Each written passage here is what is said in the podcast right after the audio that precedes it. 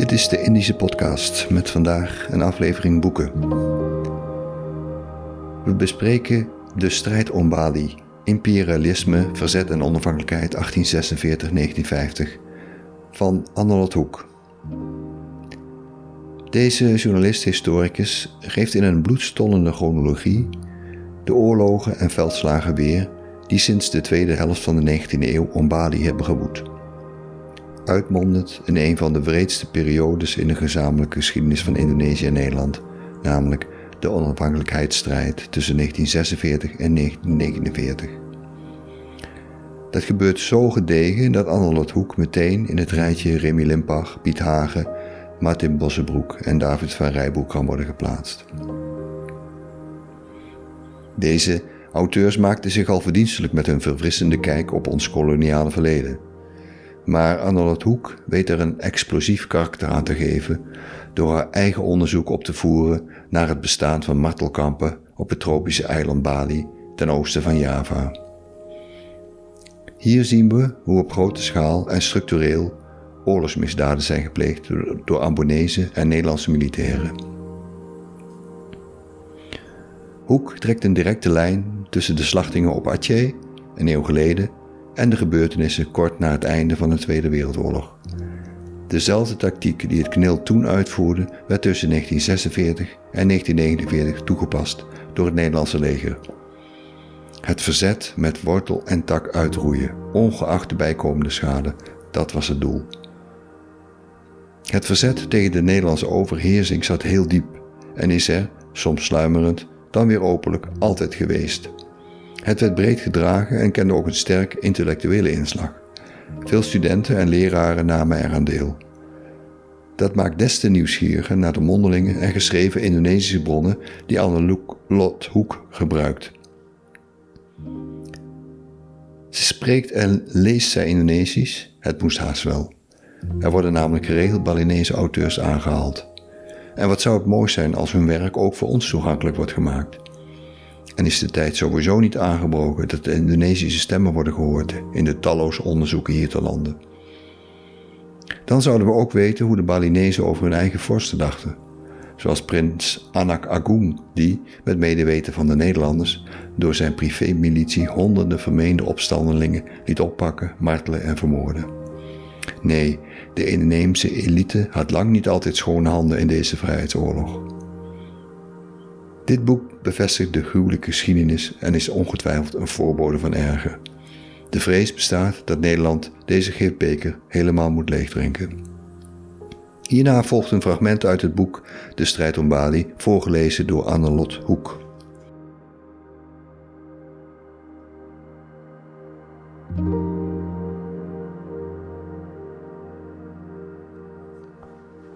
Hun strijd wordt nooit vergeten. Voordat Franken naar Nederland vertrok, kreeg hij verschillende verzoeken om op 17 augustus in 1950 een kerkdienst te houden, zowel van Ambonese gemeenteleden als ook van Javaanse. Ze wilden een dienst houden om de vrijheid van Indonesië te vieren. Er kwamen ex-knilmensen op af, net zo goed als militairen van het TNI en Balinese christenen, maar ook leden van de landschapspolitie, ambtenaren uit de Nederlandse dienst die Indonesië dienst zijn overgegaan, de Chinese gemeenteleden, verschillende Ambonese weer familie en kennissen zich op Ambon bevinden. Het bonte gezelschap van de kleine protestante gemeente, die hij al die jaren had geleid, kwamen samen om deze voor Indonesië zo belangrijke dag te vieren. Precies op diezelfde dag, vijf jaar na het uitroepen van de proclamatie, vond er een grootschalige crematie van vrijheidsstrijders in Singaraja plaats. In een van de albums van Henk Franke zijn enkele opmerkelijke foto's van deze ceremonie te zien, waar de datum van 17 augustus 1950 onder is geschreven. Het lijkt een ceremoniële aangelegenheid met een politieke ondertoon te zijn geweest, zoals eerder vlak voor de soevereiniteitsoverdracht ook het geval was in de Dessa Kalianget, met de ceremoniële crematie van de mythische held Jayaprada.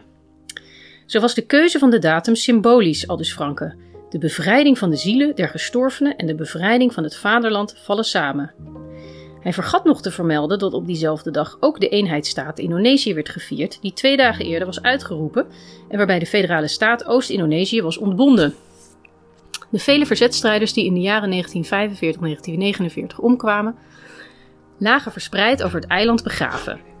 En nu werden er zoveel mogelijk opgegraven om ze met militaire eer volgens de Hindoeïstische rituelen te cremeren. Het terugvinden van de lichamen was belangrijk, omdat volgens de Hindoe-leer de ziel via crematie kan reïncarneren.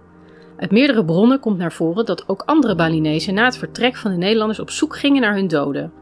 Die waren niet altijd meer te vinden. Een leerling van schrijver Jeff Last zocht tevergeefs naar het lichaam van zijn verdwenen vader, waarbij hij wel veertien kerkhoven afliep waar volgens hem gefusilleerde begraven lagen. Regelmatig lagen die mannen nog geketend in hun graf, zei hij tegen Last.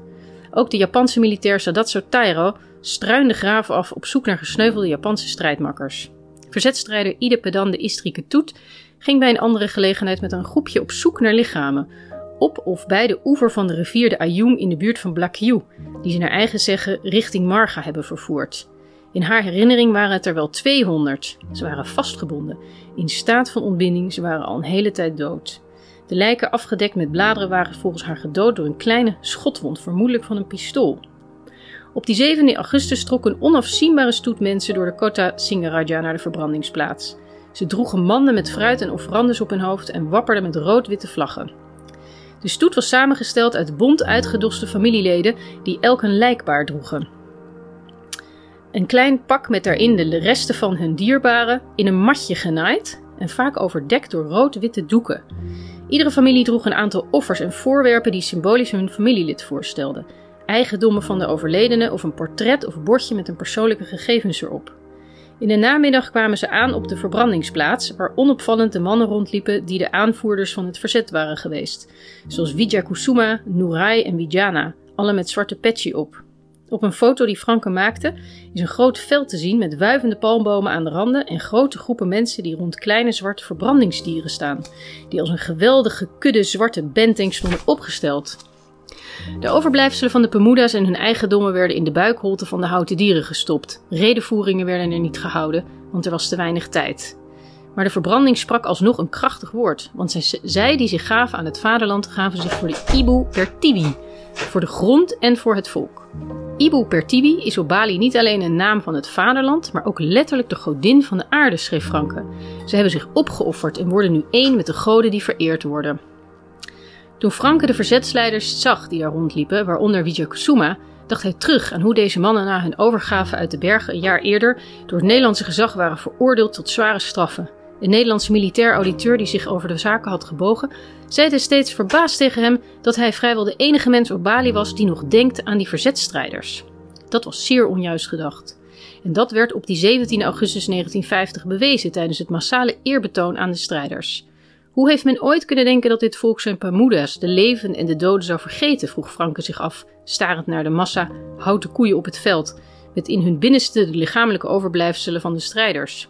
Elke dode Pemuda leeft voort in zijn familie en in de herinnering op Bali. Evenmin als de mensen is hun strijd vergeten. Het Indonesische leger bracht een saluutschot als laatste eerbetoon aan de strijders. Een stilte volgde.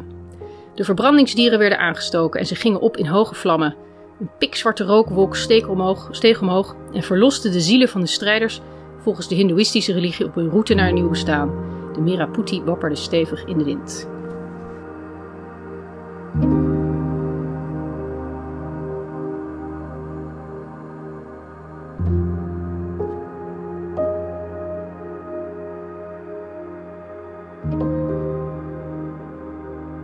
Dit was de Indische Podcast. Productie Stichting Pelita, presentatie Peter van Riel. Meer weten? Ga naar www.pelita.nl